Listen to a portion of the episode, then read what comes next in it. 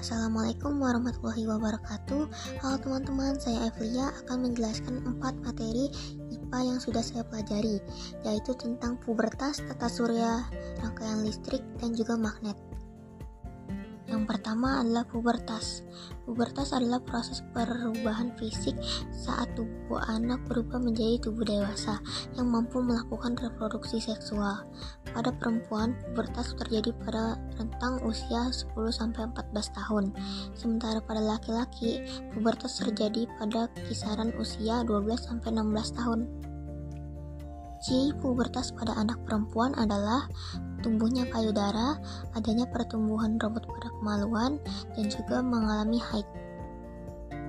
Sementara ciri pubertas pada anak laki-laki adalah suara menjadi berat, tumbuh jakun, dada membidang, dan adanya pertumbuhan rambut pada kemaluan. Selanjutnya yaitu tata surya. Tata surya adalah kumpulan benda langit yang terdiri atas sebuah bintang yang disebut matahari dan semua objek yang terikat oleh gaya gravitasinya. Nama-nama planet yang ada dalam tata surya adalah 1 Merkurius, 2 Venus, 3 Bumi, 4 Mars, 5 Jupiter, 6 Saturnus, 7 Uranus, dan 8 Neptunus. Selanjutnya yaitu tentang rangkaian listrik. Rangkaian listrik merupakan hubungan antara komponen listrik yang dialiri oleh arus listrik dalam kondisi rangkaian tertutup.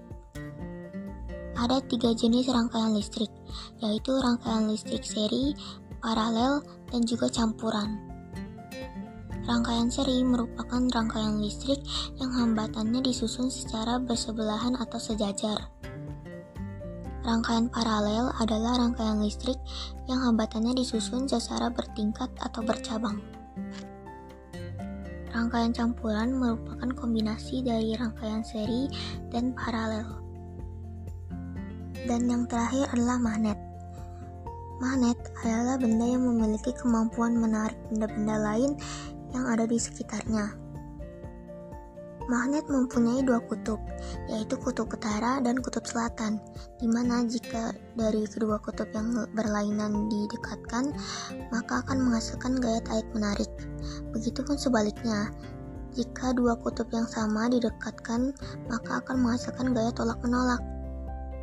Magnet mempunyai lima bentuk, yaitu satu magnet batang, dua magnet silinder, tiga magnet jarum, 4 magnet ladam, dan 5 magnet lingkaran.